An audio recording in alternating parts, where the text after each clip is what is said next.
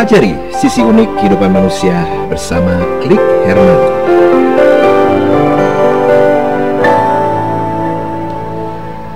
Kita akan bahas mengenai perilaku merokok dan resiko terinfeksi COVID-19. Wah, kira-kira apa sih uh, hubungannya gitu ya resiko terinfeksi COVID-19 dari perilaku merokok itu? Yang akan menjawab ini Bu Jendara sudah hadir bersama kita Pak Urai Helwan. Gimana kabarnya? Alhamdulillah baik. Terima kasih sudah hadir di studio. sehat saja ya Pak ya? Ya Alhamdulillah. Oke. Okay. Tetap sehat, tetap semangat dan tetap segar ya. Iya di tengah pandemi saat ini ya, banyak harus, orang harus, yang harus seperti itu. Iya banyak orang yang pesimis, banyak hmm. orang yang merasa. Memang aduh, bisa bikin pesimis sih iya. kalau mau kita pikirin terus-terusan gitu ya. Iya apalagi dengan adanya pemberitaan-pemberitaan hmm. yang uh, kalau kita tidak bisa memfilternya ya benar, bisa benar. hanyut juga dengan hanyut. pemberitaan tersebut dan gitu. itu sangat penting jadi bisa menurunkan daya tahan tubuh kita loh gitu. Hmm, begitu iya, ya? Iya. Uh -uh. Dalam kondisi stres gitu kan bisa depresi, sebagian bisa malah bisa depresi itu. Nah, iya. Nah, itu sangat empuk untuk apa? tertularnya penyakit. Iya. Salah satu di antaranya ya penyakit COVID-19 ini. Gitu. Oke, okay. nah kita akan bahas mengenai perilaku merokok dan resiko terinfeksi COVID-19. Kayaknya uh, kalau orang udah punya kebiasaan merokok itu ya, apalagi yeah. kalau udah nongkrong-nongkrong di warung kopi, itu kita baru masuk berapa meter aja hmm. itu udah tercium gitu ya. Yeah. Nah itu apa sih hubungannya gitu perilaku merokok dengan terinfeksi COVID-19? Ya sebenarnya uh, itu barangkali yang kelima. Ah. ada empat nih yang kami catat di sini. Yang pertama itu memang orang yang merokok sistem imunnya itu lebih rentan terhadap penyakit gitu kan. Hmm. Termasuk di antaranya tentu saja ya penyakit yang disebabkan oleh virus uh, SARS-CoV-2 gitu ya, hmm. atau penyakit COVID-19 gitu. Terus yang berikutnya lagi uh, orang yang memiliki perilaku merokok itu memang cenderung untuk memiliki riwayat penyakit penyerta gitu seperti jantung, hipertensi, mm-hmm. kencing manis dan seterusnya penyakit turunan seperti itu. Nah mm-hmm. itu memang yang kalau kita perhatikan sekarang yang mereka yang mengalami gejala COVID-19 itu yang mereka yang memiliki penyakit, apa penyakit penyerta gitu, yeah. seperti itu. Mm-hmm. Nah terus ternyata memang orang yang merokok itu kemampuan kemampuan virusnya untuk bisa menginfeksi tubuh itu lebih tinggi daripada orang yang tidak memiliki kebiasaan merokok gitu. Mm-hmm. Mereka tuh lebih mudah untuk menempel di sel apa? sel di saluran pernapasan bagian atas. Lebih mudah. Mm-hmm. Karena mungkin terpapar dengan zat-zat yang terkandung dalam rokok gitu ya. Mm-hmm. Nah, terus yang berikutnya lagi ada perilaku orang yang merokok itu biasanya mereka lebih mudah untuk memegang bagian wajah mereka kan? Iya. Nah, itu juga padahal untuk uh, yang dianjurkan sekarang kan kita tidak mudah sebelum mencuci tangan gitu. Oke. Okay. Nah tambah lagi kata Bang Hemer tadi yang kelima suka nongkrong gitu. suka nongkrong di warung kopi iya, gitu ya. Memang pas itu bang perilaku merokok pas nongkrongnya gitu. Mm, mm, mm, mm. Makanya biasanya uh, kemarin ya beberapa yeah. waktu yang lalu uh, dari pemerintah kota juga menswipe kan orang-orang yang nongkrong di warung kopi ternyata ada juga yang Kayaknya reaktif. Setahu saya gitu. itu nggak pernah yang nggak ada reaktif itu selalu ada gitu yang yeah. reaktif ya. Ya itu kebanyakan mereka yang merokok ya. Uh, artinya begini, kalau memang kita lihat bagaimana angkanya gitu ya di para dari presentasi orang perokok gitu kan atau presentasi orang yang terkena COVID-19 ini 60% di antaranya itu memang perokok. Mm -hmm. Jadi memang belum ada penelitian yang riset yang ke sana, tapi kalau kita lihat angkanya saja sudah ketahuan gitu kan. Apalagi tadi disebutkan ada empat hal gitu ya. Mm -hmm. uh, kerentanan dari orang yang merokok untuk terpapar penyakit ini seperti itu. Oke. Okay. Karena ini berkaitan dengan saluran pernapasan iya, itu gitu memang, ya, Pak memang, ya. Memang pas gitu. Memang hmm. pas sekali saluran pernapasan baik yang atas maupun bagian bawah dan itu bukankah memang uh, uh, orang merokok itu kan yang paling dulu terpajan atau terpapar itu kan memang bagian pernapasan gitu. Ha, ha, ha, Seperti itu. Oke. Okay. Jadi wajar saja kalau memang rentan gitu. Hmm, Oke. Okay. Nah, berarti resiko terinfeksinya itu ya. bisa Diakui lebih seperti ini ya. itu, lebih hmm. lebih tinggi. Risikonya lebih tinggi. Hmm. Mungkin ada nggak sih cara merokok yang bisa apa ya istilahnya? Ya sebenarnya kalau kita gitu ya, kita kan juga uh, pegiat pengendalian tembakau gitu ya. Uh-uh. Inilah sebenarnya saat yang tepat untuk berhenti merokok. Gitu. Mm-mm. Jadi kita bantu pemerintah, kita ciptakan kesehatan, kita cegah diri kita dan lingkungan dari penyebaran ini, gitu kan. Salah satu di antaranya dengan mengurangi bahkan menihilkan kebiasaan merokok. Mulai dari diri sendiri memang gitu. Seperti itu. Mm-mm. Kalau memang tidak bisa betul-betul kan memang tidak mudah kan untuk berhenti merokok kan ini faktor adiksi gitu kan, ada Mm-mm. kecanduan di situ. Iya. Tetapi harus ada niat. Kalau niatnya sudah kuat, upayanya sudah kuat, biasanya itu nanti perilakunya akan mengikuti untuk mengendalikan dan berhenti gitu. Mm-mm. Itu yang kita harapkan. Oke. Atau mungkin setelah dia melihat kejadian dulu Iya. kali ya. Orang-orang biasa kan begitu ada perilaku yang begitu, Pak. Ya ada beberapa teman ini kasuistik lah gitu, yang memang kebetulan akhirnya akhirnya berangkat gitu ya. Mm-mm. Di antaranya memang mereka itu dia itu memang perokok berat banget gitu. Mm-mm. Ya rentan, memang perokok itu sebenarnya betul-betul rentan. Eh, rentan penyumbatan pembuluh darah gitu kan. Iya. Nanti efeknya kan ke mana-mana tuh. Heeh. Rentan gangguan jantung, Mm-mm.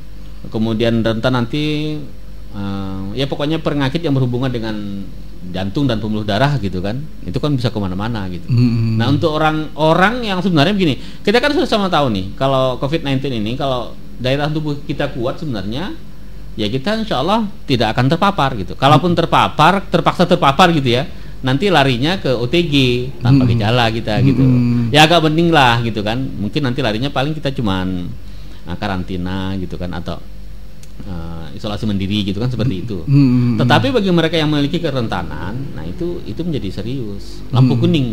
Oke. Ya salah satunya perilaku merokok itu Merokok tadi itu, gitu iya. ya. Hmm. Oke. Nah, kenapa sih itu bisa rentan gitu? Apakah karena memang di COVID-19 itu menyerang paru-paru atau mungkin ada nggak sih gejala-gejala yang bisa terlihat gitu Pak Urai?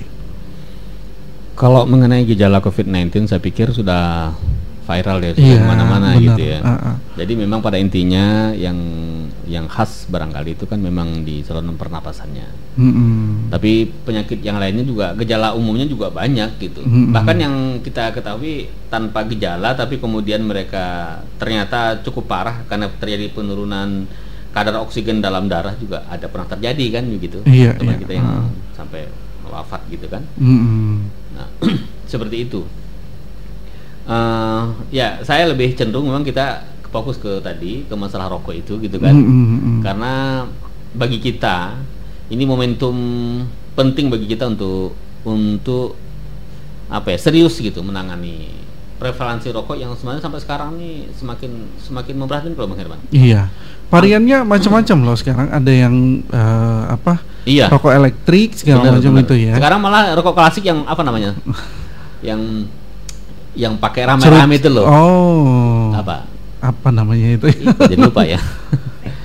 bukan, Size bukan. apa? Sisa gak sih apa? Iya. Apa gitu gitu. Kok jadi lupa. Ya, eh, sekarang jadi jadi muncul lagi gitu. Dan sekarang kalau eh, memperhatikan juga di Indonesia, Mm-mm. eh, sebenarnya Indonesia itu jauh banget di atas negara ASEAN lainnya. Kalau Filipina itu eh, prevalensi rokoknya itu hanya sekitar 40% dari populasi yang ada. Kalau Indonesia itu 60-an persen. Jadi luar biasa kalau Indonesia. Terus ya memang ini berkaitan juga dengan dengan pembatasan pengendalian tembakau yang agak lemah di kita gitu ya. Regulasi kita ini agak lemah. Bang. Hmm, hmm, Jadi itu sehingga masyarakatnya itu cenderung untuk abai terhadap bahaya rokok itu. Oke. Dan merokok juga dijadikan gaya hidup kan? Iya, itu bahaya sekali sebenarnya itu. Lifestyle yang enggak yang enggak benar ya itu. Merokok nanti terus apalagi kalau sampai eh, kecanduan yang lain gitu ya. Hmm, hmm. Rokok itu sebenarnya sudah diteliti, diriset sama teman-teman. Itu memang menjadi pintu masuk dari candu yang lain gitu. Ada yang lebih parah kan kayak kayak narkoba. Hmm. Nah, rokok itu pintu masuknya. Kalau pintu masuknya itu sudah kita miliki, maka kita harus khawatir dengan candu yang lebih berat lagi gitu. Adiksi yang lebih berat lagi. Hmm. Karena memang sifat adiksi itu seperti itu ya Pak Iya. Maura ya. Hmm. Dia mencari sesuatu yang lebih Benar, lebih benar. lagi. Hmm. Oke. Nah, eh, bagaimana sih caranya untuk mengendalikan agar kebiasaan merokok itu ya jangan sampai ya namanya adiksi itu kan berarti kan dia menyerang otaknya itu. Ada nggak sih terapi yang bisa dilakukan gitu loh Pak Urai? Uh, kalau kita memang yang lebih gencar itu kita mereka kalau mereka itu kan pakai propaganda untuk mempengaruhi orang-orang yang menjadi perokok pemula. Nah kita juga demikian. Makanya sekarang sebenarnya yang kita pertahankan itu perang kita itu sebenarnya ada di perokok pemula. Hmm, Orang yang belum merokok sebenarnya. Iya. Jadi kita itu lebih baik kita memutus mata rantai rokok itu dengan menyelamatkan generasi muda. Nah masalah sekarang tuh memang cenderung untuk masih meningkat angkanya. Angka perokok baru itu masih meningkat. Berarti kita masih kalah nih, kalah sama propaganda uh, pengiklan-pengiklan rokok gitu ya. Mm -hmm. Karena iklan rokok itu nancep dalam benak orang yang melihat merasa terus mencium gitu kan mm -hmm. dan seterusnya bahkan mungkin mereka diimingi dikasih segala macam seperti itu mm -hmm. kalau terapinya terapi sebenarnya bisa banyak kan terapi yang dikembangkan sekarang tapi itu memang sangat penting kesadaran dan kemauan kan orang sekarang banyak yang tidak sadar dan tidak mau untuk berhenti mm -hmm. sebenarnya kalau mereka mau berhenti itu ya mudah saja sebenarnya banyak yang berhasil dengan kemauan tanpa terapi juga bisa gitu Makanya sekarang perang kita itu ada di generasi yang belum terpapar rokok baru. Mulai hmm. sekarang uh, umurnya semakin muda. Hmm. Bahkan kita sudah mensasar mensinyalir itu ada riset teman-teman dari uh, Universitas Muhammadiyah Pontianak bahkan ya gitu. Itu mulai dari ada yang dari SD bahkan SMP. Hmm. Jadi usianya itu semakin muda. Seperti itu. Oke. Okay. Apalagi dengan tawaran rokok-rokok yang uh, aneka rasa ya bervarian yang uh, apa rokok elektrik gitu ya. ya. ya ini memang saya ini ngelihat uh, apa ya mereka itu istilahnya kalau bahasa kita gak sagal gue banget gitu. Jadi rokok itu memang selama ini kan kesannya ternyata kan disesuaikan juga kesannya dulu kan mungkin anak-anak yang remaja ke atas gitu kan. Iya. Sekarang nggak lagi dibikin sedemikian rupa gitu. Mm -hmm jadi kayak rasanya tuh ke rasa-rasa gaul gitu kan hmm. ada lagi rokok elektrik yang seperti itu hmm. jadi memang wah luar biasa juga serangan rokok gitu kan hmm. dan ini kita terus terang aja ini kita ini cenderung mengabaikan padahal kalau apalagi sekarang zaman covid-19 seperti ini kita diingatkan kembali kita ya istilahnya sekarang tuh linknya itu ketemu gitu kan antara penyakit yang sedang menyebar dengan risiko yang kita miliki gitu. Dan itu ada di mana-mana. Banyaknya kasus orang yang kemudian ternyata kita anggap dia masih muda gitu kan. Kemarin kan kita mikir-mikir nih yang COVID-19 yang terkena yang memburuk kondisinya itu mereka yang sudah sepuh hmm. punya penyakit komorbid dan segala macam. Tetapi ada yang usianya masih muda ternyata memang sebagian di antaranya perokok gitu jadi ada penyerta di situ ada perilaku yang buruk gitu hmm. seperti itu oh, oke okay. ini banyak ya kasusnya yang mereka terpapar COVID-19 dan uh, akhirnya fatal karena memang merokok itu tadi ya Pak? Angkanya itu 60% dari penderita COVID-19 mereka adalah perokok. Mm-hmm. Jadi 60% lebih dari separuh gitu ya. Baik laki-laki ataupun perempuan gitu. Ya sebagian besar memang laki-laki. Kalau laki-laki ya. itu kan penelitian di Jepang yang penderitanya 50-an persen lebih ya, hampir separuh, separuh lebih ya. Mm-hmm. Nah, itu laki-laki gitu. Oke. Okay. Oke, sebegitu masifnya ya ternyata gitu ya. Karena dia menyerang paru-paru itu tadi gitu ya. Kalau dikaitkan dengan virus COVID-19 Dan itu. ternyata kan penelitian yang kita baca viral juga saya kira itu, itu ternyata asap rokok itu kan juga menyebarkan Hmm. menyebarkan jadi gini apa dropletnya itu dari asap rokok itu gitu kan itu mengandung virus virus juga gitu uh, uh. coronavirus ini Oke. Jadi lebih lebih rentan untuk terpapar begitu ya Pak? Iya. Mm-hmm. Lebih rentan, lebih apa perilakunya juga mendukung mereka ngumpul dan asapnya juga dihembuskan gitu kan? Mm-hmm. Ya orang merokok kan nggak pakai pakai masker Bang Herman. dan dia ngomong tinggal iya, berdekatan juga gitu, kan gitu. gitu. Ya, asapnya coba kalau kita itu kasat apa nampak banget gitu kan? Uh, uh. asapnya nyebar ke mana-mana kan nggak bisa dihindari itu asap itu. Uh, uh, apalagi kalau virus ini sebenarnya dia kan tidak tidak hanya lewat hidung gitu. Kalau kalau dia terpapar ke tangan kita nanti kita mengusap uh, muka kita atau bahkan mungkin di baju kita. Satu kita nanti bersentuhan segala macam itu kan bisa juga terpapar. Kalau sampai pernah pernah baca itu bahkan sebenarnya yang tertinggi itu uh, dari me medium yang bukan langsung ke hidung gitu, bukan droplet langsung ke hidung, bukan terhembus, bukan karena orang bersin yang ter yang tertinggi, justru dari pakaian, dari handling, handle pintu segala macam hmm. itu yang dari HP gitu, hmm, hmm, hmm. itu yang paling besar. Hmm. Karena itu yang paling banyak disentuh orang gitu, hmm. seperti itu. Oke. Okay. Walaupun sebetulnya dia sudah menyiapkan uh, hand sanitizer yang Benar. banyak gitu ya. Kita sekarang ini memang kesadaran kita itu masih jauh Bang Herman. Uh -huh. Kesadaran kita itu memang nih sebenarnya pemerintah sudah sangat masif kan menyampaikan 3M itu kan. Mm -hmm. Nah, sudah sangat masif tapi saya pikir perilaku kita ini masih belum belum pulih seutuhnya gitu. Mm -hmm. Harusnya kita memang habis uh, tidak mudah untuk menyentuh muka kecuali setelah mencuci tangan gitu kan atau hmm. menggunakan hand sanitizer. Ini ada kadang-kadang di mobil ada gitu kan di saku kita tapi kita lupa pakai itu hmm. gitu. ya memang masih belum belum benar-benar melekat budayanya gitu. Oke. Okay. Ini dibutuhkan uh, beberapa waktu lagi gitu Kayaknya kali ya. Mungkin satu tahun jangan, lagi. Jangan satu tahun lagi gitu. Kalau masker kita sudah oke. Okay. Saya lihat orang tuh saya aja kalau satu keluarga di rumah itu memang sudah sampai begini nih. Mm-mm. Kalau keluar tanpa masker tuh kayak ada sesuatu yang hilang gitu kan. Iya. Jadi gitu, oh apa ya? Oh, tuh, tuh. Jadi otomatis itu. Iya. Jadi masker ada di mana-mana. Ada di di dalam tas, di mobil gitu kan, mm di di ruangan, di kantor segala macam ada ada ada semuanya masker di situ. Itu berarti perilaku kita sudah melekat, sudah mm menjadi bagian dari hidup kita. Nah, mencuci tangan ini menurut saya padahal kita cuci tangan itu bukan perkara yang apa? Kita kan biasa makan kita nih anak-anak kampung nih kan makannya kan pakai cuci tangan biasa. Iya. sebenarnya sudah ada basicnya gitu. Hmm, hmm, hmm. sudah ada sebenarnya gitu. Cuma karena kebiasaan praktis itu nah, tadi praktis. Anak-anak instan nih ceritanya. Iya, bener, bener, bener itu. Oke. Okay.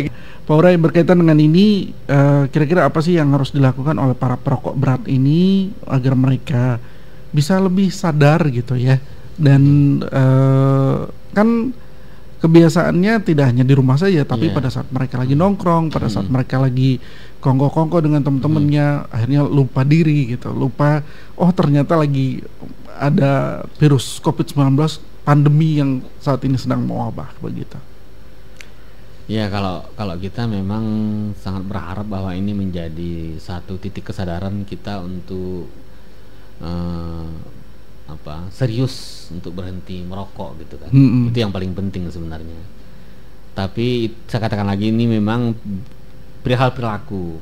Yang namanya perilaku tidak tidak instan berubahnya gitu kan. Jadi kalaupun toh itu tidak mampu mereka lakukan minimal mereka benar-benar untuk uh, apa seperti tadi itu tidak tidak mudah untuk berkumpul gitu kan. Tetap social distancing physical distancing juga iya kemudian ya terpaksa harus mengimbangi meningkatkan daya tahan tubuh dengan cara yang lain gitu mengimbangi mungkin dengan perbaikan nutrisi itu hmm. olahraga berjemur dan seterusnya seperti itu jadi karena mereka masuk dalam kategori kelompok rentan maka upaya untuk meningkatkan imunitas juga harus lebih lebih giat daripada yang lain gitu. seperti itu kira-kira hmm, oke okay. walaupun uh, perilaku menongkrongnya tetap jalan terus ada perilaku bisa nggak sih kalau nggak nongkrong gitu? Iya memang gimana? Di kita ini kayaknya memang sudah jadi bagian dari hidup ya. Iya. Ya saya juga anak nongkrong juga kadang-kadang gitu kan. Kalau tapi memang kayaknya kalau kalau di tempat nongkrong gitu ya kok ini ya memang merokoknya itu apa ya sudah identik gitu. Kalau -hmm. warung kopi itu mesti tempat merokok yang enak gitu. Hmm. Itu yang menurut saya juga harus diperbaiki seperti itu. Iya. Tapi kalau memang sirkulasi udaranya bagus sih, misalnya kan sekarang banyak warung-warung kopi yang di udara terbuka gitu ya Pak Urai. Iya, itu resikonya tetap ada. Tetap ya. Kita nggak ini, memang terbuka, tetapi kan kita jarak dekat, terus hembusan asapnya itu kan juga ke mana-mana. Hmm. Jadi istilahnya risiko terpaparnya itu tetap tetap aja kena gitu ya mungkin dia lebih lebih rendah daripada yang dalam ruangan gitu kan apalagi yang tertutup tetapi tetap kena saya melihat kalau kalau itu kita itu saya belum ada yang betul-betul betul-betul apa ya sesuai dengan yang kita harapkan gitu ya kalau hmm. untuk pengendalian asap atau pengendalian produk tembakau itu hmm. seperti itu oke okay. asap rokok Kecuali nanti kalau ada masker yang khusus untuk perokok ya. iya, uh, jadi selain masker memang kita siapin mentalnya agar ayo kita uh, mengubah mindset kita dari membutuhkan rokok perlu kok menjadi melepaskan diri dari ikatan rokok gitu. Hmm, nah, ini kan agak-agak gimana ya Pak ya kalau berkaitan dengan merokok ini ada juga berkaitan dengan budaya. Budaya-budaya gitu yeah. ya, budaya-budaya ah, tertentu uh, yang uh. Uh, pada saat mereka melakukan segala ritual ritual-ritual hmm. uh, apa namanya tertentu yang hmm. memang harus ada rokok segala macam gitu. gitu kan ini agak susah juga untuk menghilangkan mindset itu. Uh, sebenarnya saya pikir kalau kalau budaya kita ini kita kendalikan hanya sebatas budaya gitu, artinya pada hanya ritual ketika seremonial saja itu kan nggak tidak terlalu berpengaruh kan sebenarnya. Ini hmm. yang menjadi persoalan nih kan ketika dia sudah menjadi gaya hidup kita nih. Hmm. Kalau mungkin banyak juga kan kak orang yang kayak budayanya harus makan sirih, ada kapur segala macam itu kan hanya ketika ada seremonial gitu kan. Hmm. Tapi kalau nantinya sudah kembali kalau itu tidak uh, apa tidak sampai menjadi gaya hidup saya pikir kan tidak persoalan gitu itu budaya oke okay, budaya gitu tapi mari jangan jangan dilanjutkan menjadi sebuah gaya hidup gitu mm-hmm. seperti itu oke okay. nah karena waktu kita terbatas tinggal iya. empat yeah. menit lagi Pak Urai uh, apa sih yang harus dilakukan uh, berkaitan dengan uh, perilaku perokok aktif hmm. kemudian dengan penyebaran COVID-19 ini? Ya, saya menghimbau kepada kita semuanya, mari inilah saatnya kita untuk berhenti merokok. Kalau kita belum mampu untuk berhenti merokok, maka kita punya niat yang kuat untuk berhenti. Dan kita sampaikan kepada yang lain bahwa ini uh, salah satu bentuk dukungan kita terhadap pemerintah dan uh, apa? Me mengamankan kita dan keluarga kita dari COVID-19 adalah dengan berhenti merokok. Seperti itu saya kira. Oke. Okay. Oke, okay, saya sekali waktu kita terbatas Pak yeah. Terima kasih sudah hadir di studio. Salam untuk teman-teman di Rumah Sakit Jiwa siap, Daerah Sungai Bangkok. Pelajari sisi unik kehidupan manusia bersama Klik Herman.